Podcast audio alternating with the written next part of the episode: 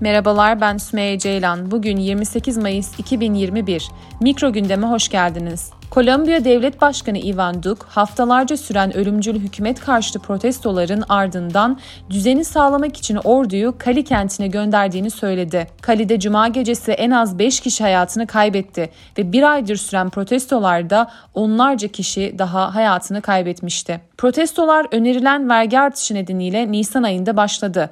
Ardından vergi planı geri çekildi ancak protestolar polis şiddetini, yoksulluğu ve Kolombiya'nın sağlık krizini kapsayacak şekilde büyüdü. Hükümet ve protestocular arasında iki hafta süren müzakereler durdu. Protesto hareketinin merkez üssü haline gelen Cali'de cumartesi sabahına kadar sokağa çıkma yasağı var. Cuma günü Cali'de bir güvenlik etkilisi Cuma günü yaşanan protestolarda en az 5 kişinin öldüğünü söyledi. Şehirde 5 kişinin daha öldürüldüğünü ancak bu ölümlerin doğrudan protestolarla ilgili olup olmadığının belirsiz olduğunu açıkladı.